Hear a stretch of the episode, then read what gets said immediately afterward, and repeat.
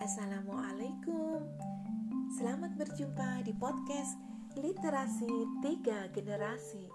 Saya Bunda Iin akan mempersamai Anda semua beberapa menit ke depan untuk menikmati topik santai bergizi seputar curhat parenting, literasi keluarga, serta inspirasi kehidupan.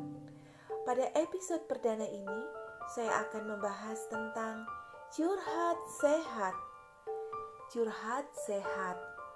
Bahagia itu pilihan.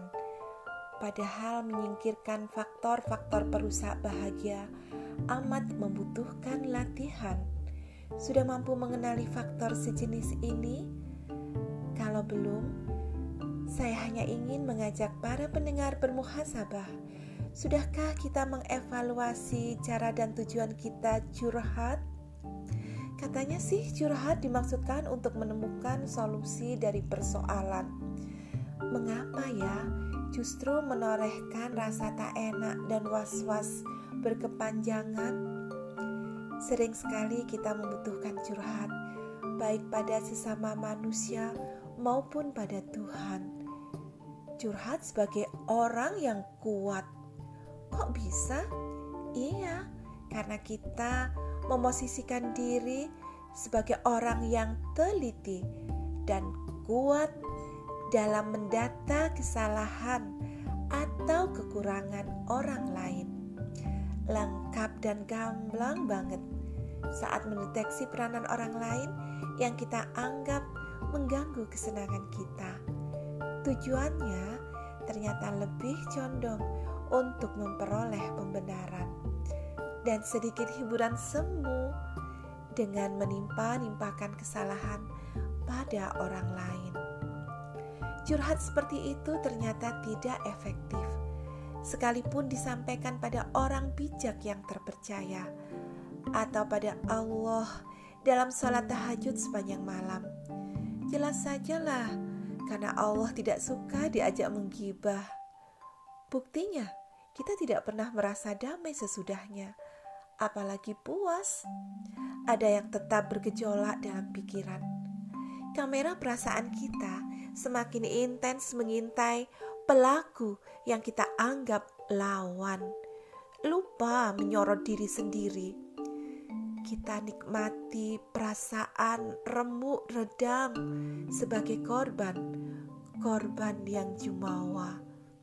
Tidak, tidak, jangan berharap menemukan solusi atau pencerahan dengan cara seperti itu, karena cahaya tak akan menembus ruangan yang tertutup dinding tebal lagi tinggi.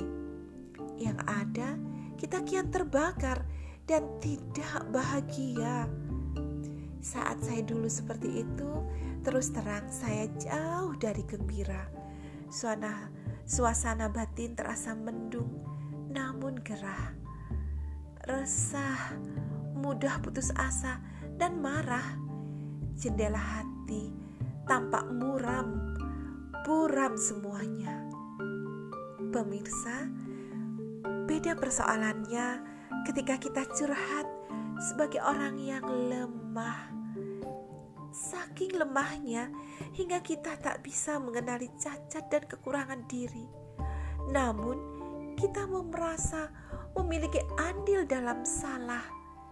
Tidak lagi kita memilih curhat pada sesama manusia, karena mereka sama subjektif dan rawannya dalam mengelola ego perasaan.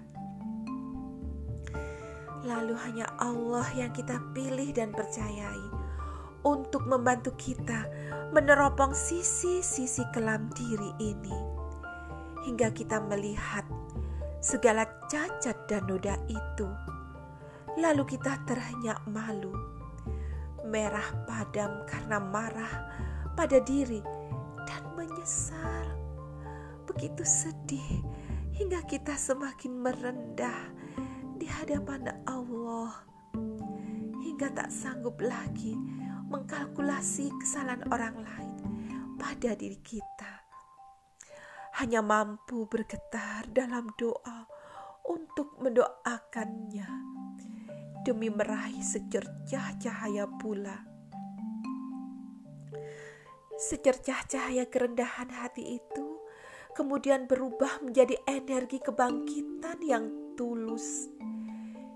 Dialog jiwa yang penuh penyesalan perlahan melapangkan hati. Begitu getirnya sesar hingga ingin bersahabat dengan mati.